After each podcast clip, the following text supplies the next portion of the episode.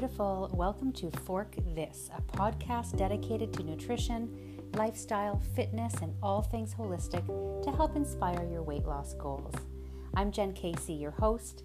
I'm a holistic nutritionist, a mom of two, a wife, and a woman in her late 40s who has the same weight loss struggles as most other women heading into menopause. Stay right here if you're ready to fork diet culture and support yourself the natural way without dieting, counting calories, or starving to lose weight. Now, on with the show.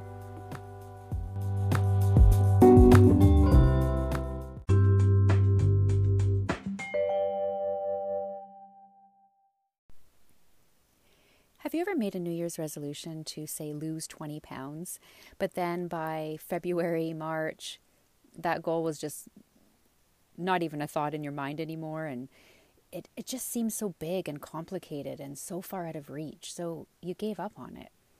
And it's not that you weren't capable of reaching that goal. It might have been that you were just picturing the 20 pounds as one big thought and it was just so difficult. Each week you were doing all the things that you were supposed to do, like exercising and you were drinking more water, you added in all the salads, but the needle on the scale was barely budging. All you wanted was to see that your hard work was working. You wanted to see faster progress. And when you didn't, you felt like that 20 pound weight loss goal was so far away and impossible. You know, we're so programmed today to want instant results and instant gratification. And when we put in the hard work and we don't see the changes right away, we give up so easily. We focus more on what we can't achieve, the negatives, and how hard something is. And all of that seems to outweigh the little wins, things like just feeling a little more comfortable in our clothes each week and a little more energized. And we ate just a little bit less at dinner, so we slept better this week. We forget about that stuff. But if you use that whole 20 pounds as your long term goal, like the prize at the end and the big reward, it can be the reminder of why you're doing what you're doing every day. The how is the one pound each week that you'll be putting into action, and it feels way more within reach than 20 pounds. Let me explain. So, a healthy way to lose weight is one to two pounds a week. And when you lose weight faster than that rate, your brain and body will pull out every excuse to get you back to where they felt comfortable, which was at the higher weight. A slow one pound a week weight loss allows your body and mind to get comfortable and feel safe and not stressed, and there won't be a need to fight back or push back or challenge. Weight loss, especially when it's really quick, is actually really stressful on your body and your mind. And when we're stressed, our elevated cortisol levels cause us to hold on to weight as a survival mechanism. You want to lose weight at a rate that feels safe for your body, so it releases the weight comfortably. And so, when it comes to losing 20 pounds or more or less, consider one pound a week as a safe and comfortable rate. Rather than thinking about the 20 pounds every time you make a meal, or you're stressing about a dinner party you're invited to, or you're heading away for the weekend, focus on the one pound that you're going to lose this week. The system I use with my clients in nutrition for weight loss is called the GREAT system. Each letter stands for goals, review your plan, eat on plan, accountability, and try new things. So the first step is goal setting. Losing 20 pounds comfortably is going to take 20 weeks, right? If we're doing one pound a week, 20 pounds is going to be 20 weeks long. 30 pounds is 30 weeks, and so on. So start by setting your goal. That's the first step of the GREAT method. Maybe it's 50 pounds in 50 weeks. Whatever it is, what is that end date? Write it down. R stands for review your plan. So every week, make a loose plan that includes the events you have going on, any meetings, like early morning meetings that could interfere with your breakfast or late night meetings, workouts, kid things.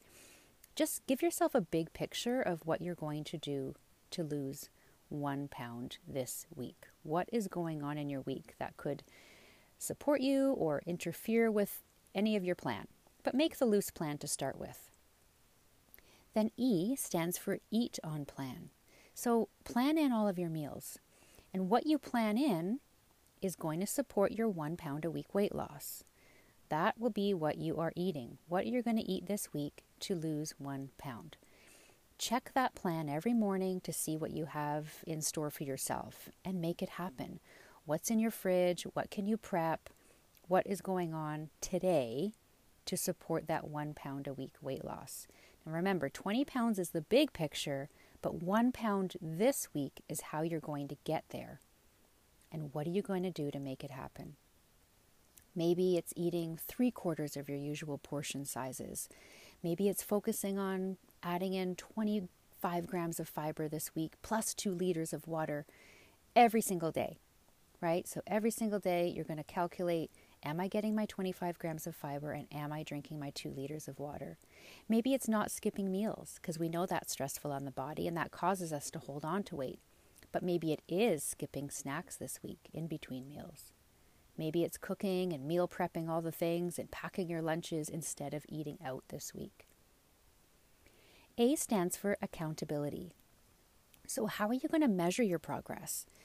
I really don't like any of my clients to obsess and hop on the scale every day.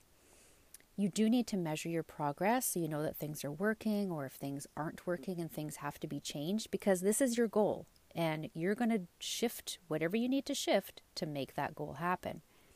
But obsessing over that number on the scale can feel really unhealthy.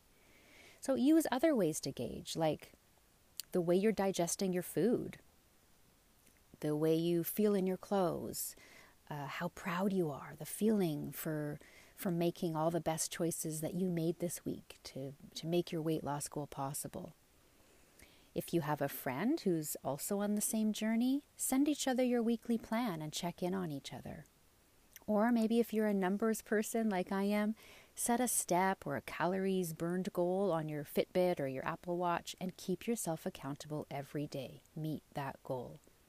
I like to make a daily checklist with all of my non negotiables I need in order to make either my losing one pound a week happen or maintaining my weight and maintaining my health. Because weight loss doesn't stop when you reach your goal, right? You need to continue to do all the things every day to maintain it. And then lastly, T stands for try new things. So if you want to lose one pound a week, you have to try new things for a few reasons. You need to know what is working and what is not working. You need to stay excited and love what you're doing so you don't get bored. And that includes foods.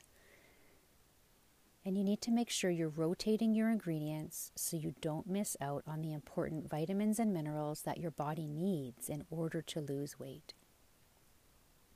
So, to recap, your big picture goal is always there, like the sun shining down over you. That's the grand prize at the end the 20 pounds or the 30 pounds or 50 pounds, whatever the number is. Whatever is going to make you feel like the healthiest version of yourself physically, that's your number. That's your big goal. But the emotional piece, the spiritual piece, the mental piece are all a must as well. And you should be working on those as you go.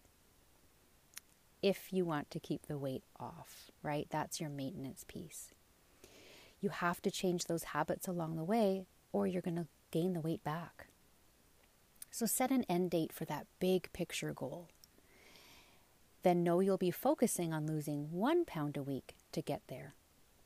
Plan for it, plan around it, make a checklist, set reminders, and know exactly what you're going to do to lose one pound this week. That's all you need to focus on right now is one pound this week you're simplifying your weight loss for yourself, and it will feel less overwhelming and smaller and bite sized. So, if you're up for the one pound a week challenge, share this episode with a friend and send me a DM on Instagram and let me know. You can find me at Nutrition for Weight Loss. Gathering support and community will help you stay excited and motivated and focused to make great things happen for yourself.